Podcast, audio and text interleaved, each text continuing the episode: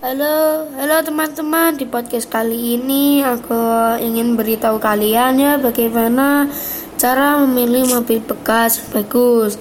Ini adalah 8 tips membeli mobil bekas agar tidak menguras isi kantong.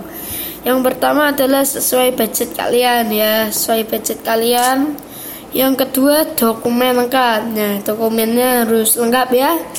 Terus yang ketiga, pikir kembali membeli secara kredit. Nah, pikirkan kembali. Ya, itu penting juga. Oh, yang keempat, over kredit dengan cara yang benar. Nah, over kredit dengan cara yang benar ya, guys. Kalian juga harus percaya dengan yang menjual mobil itu ya. Terus yang kelima ya, bawa ke bengkel resmi. Nah, itu yang paling penting ya buat ke bengkel ya. Terus yang enam tidak menghabiskan budget untuk membeli mobil. Nah itu ya guys. Bagi kalian yang suka dengerin podcast ini terus jangan lupa dengerin, saksikan terus.